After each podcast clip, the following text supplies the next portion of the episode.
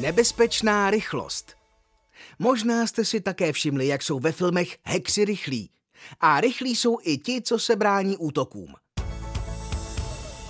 Hollywoodská realita hackerů. Hollywood je Hollywood a v každém pořádném akčním trháku musí být automobilová honička a výbuch a dnes už i hacker.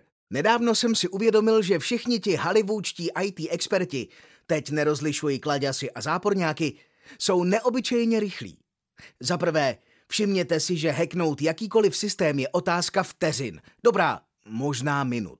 Rozumím, že do 120-minutové stopáže by se hodiny zkoušení, testování, stahování a instalací nástrojů a kódů, prolézání různých internetových for tržnic, nakupování hesel, programování kódů a tak dále asi nevešlo, ale ono to opravdu není až tak jednoduché.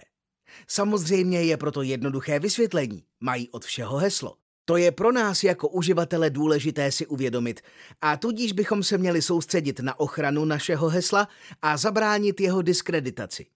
Když už tedy mají hesla od všech databází, a tím chybí aspoň heslo od našeho e-mailu. Druhá věc, které jsem si všiml, všichni skutečně rychle klepou, doslova mlátí, do klávesnice v nějakém extatickém záchvatu.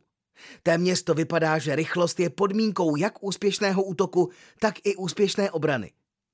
Vzhledem k tomu, že útok skutečně není záležitost sekund, opravdu nejde o to, jak rychle vkládáte příkazy, mimochodem robot, bezpečnostní systém, bude vždy rychlejší než my.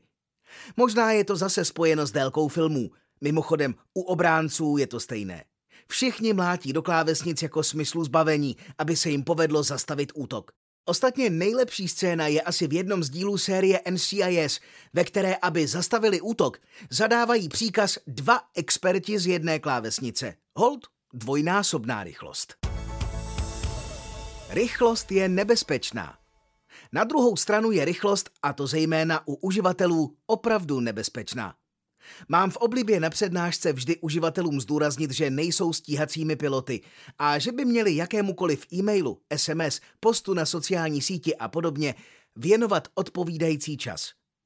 Phishingové návnady mají v sobě většinou skrytu nějakou nápovědu a tuhle výstrahu je snadné přehlédnout, pokud nejsme dostatečně pozorní. Občas nám při testech odpovídají uživatelé, že omylem klikli, protože čin předběhl myšlenku. Je to přirozené. Všichni jsme občas pod tlakem a spěcháme. Ale pokud nám někdo takto posílá zprávu, nebude to přes všechno zase až tak urgentní, abychom tomu nemohli věnovat desítky sekund a zkontrolovat si odesilatele, dikci zprávy, odkazy a tak dále. Umělá inteligence mění pravidla hry. Všechno se kolem nás neustále mění a některá letitá doporučení už nemají univerzální platnost. Nezapomeňte, že podvrhy dnes pomáhá psát umělá inteligence a překladače už češtinu taky umí dost dobře. Svého času se říkalo, že když e-mail obsahuje pravopisné chyby, bude to podvrh. Dnes bych si to dovolil už pomalu obrátit a s ohledem na klesající gramatickou zručnost našeho národa bych i skoro řekl, že je to naopak. Umělá inteligence nedělá pravopisné chyby a umí českou větnou stavbu. Na druhou stranu generuje skutečně rozsáhlé texty a to by snad i mohlo být vodítkem, ale o tom zase někdy jindy. Pokud chcete poradit s osvětou, s budováním bezpečnostního povědomí, poradit ohledně bezpečnosti, skonzultovat nějaký problém, navrhnout řešení nebo vyškolit personál, klidně se obraťte na Autokont. Rádi vám poradíme a jak se říká, za zeptání nic nedáte. Autokont ví jak.